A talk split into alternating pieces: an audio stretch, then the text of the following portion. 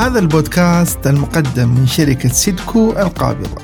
يدور حول المال المال والمال. كيفية إدارة أموالك وكيف تحقق الاستقلال المالي.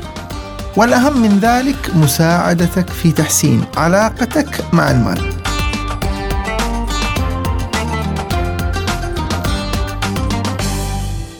مرحبا بكم أعزائي المستمعين. معاكم أخوكم سالم بشميل مقدم برنامج وعي مالي مع ريالي. حلقة اليوم حنتكلم عن كيف نعلم أطفالنا خمسة دروس أساسية في المال لأن العلم في الصغر كالنقش على الحجر. من الجيد أنه نستفيد من سنوات أطفالنا الأولى عشان ندربهم على مهارات الحياة الأساسية. ومن أهم هذه المهارات مهارات التعامل مع المال. حنتكلم اليوم عن خمسة دروس مالية أساسية يجب أن نعلمها أطفالنا للتعامل مع مصروفهم اللي بياخدوه يوميا.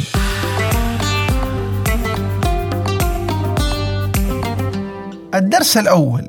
يا ابني قائمة باحتياجاتك لن تستطيع أن تدير مالك. هذا هو الدرس الأول. اللي حيساعد طفلك على تحديد ميزانيته وهو إنه يعرف احتياجاته الفعلية ويقدر يفرق بين الاحتياجات والرغبات. الاحتياجات يا ابني هي أشياء ضرورية في الحياة زي الأكل زي الدواء زي التعليم والرغبات هي أشياء كمالية في الحياة ممكن نستغنى عنها لكن أنا وإنت نحب نأخذها. ميزانيتي أركز في البداية على الأشياء الضرورية على الاحتياجات. إذا والله فاض معايا مبلغ ممكن أنتقل وقتها إلى الرغبات.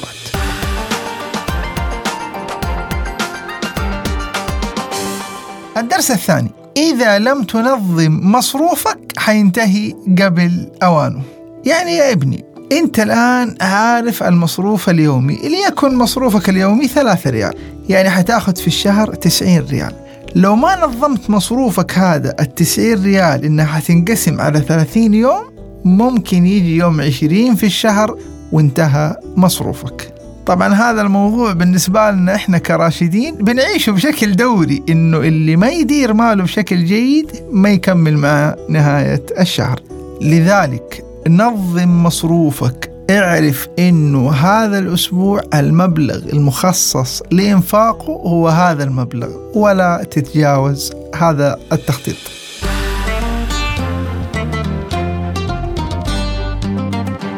الدرس الثالث هو يا ابني لا يمكنك أن تشتري كل ما يحلو لك. من محبتك لطفلك ممكن يصعب عليك تعليمه هذا الدرس بالذات. عشان كذا خلينا نحوله إلى لعبة أرقام مسلية. إذا يبغى طفلك يشتري أكثر من ميزانيته أطلب منه التخطيط للمبلغ النهائي. مثلا كم عليه إنه يجمع كل أسبوع وكيف راح يجمع وإيش هي المدة الزمنية اللي يحتاجها وغيرها من الحسابات الضرورية. خليه يستخدم ورقة وقلم وآلة حاسبة ويكتب عشان يعرف في النهاية إنه الموارد المالية محدودة والمتع والرغبات اللي نبغاها غير محدودة. فيجب أن نختار من المتع بعضا منها اللي تتناسب مع ميزانيتنا.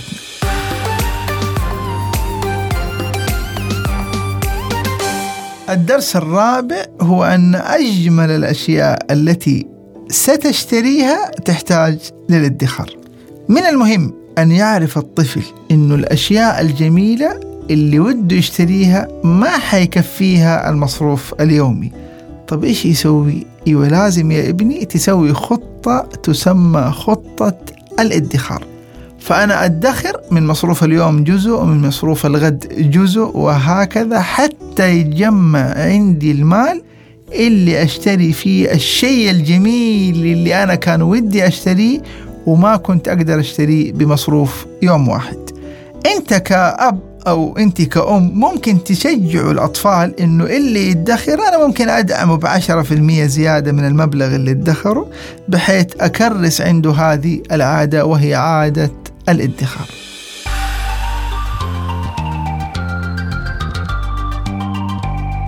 الدرس الخامس وهو أهم الدروس. أموالك لا تتعلق باحتياجاتك وأهدافك أنت فقط.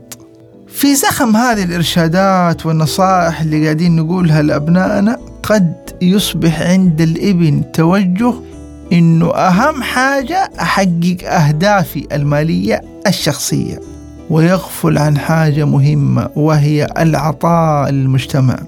مساندة الفقراء والمساكين.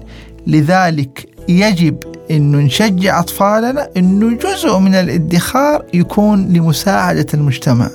وسط هذه الإرشادات اللي بنعلمها أطفالنا الادخار التخطيط المالي حط لك هدف قد ينشأ عند أطفالنا تصور أنه أهم حاجة أنت.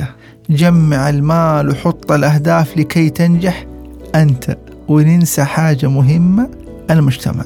لذلك لازم نتكلم مع أطفالنا أن حطوا جزء من ادخاركم خدمة للمجتمع مساعدة للفقراء والمساكين.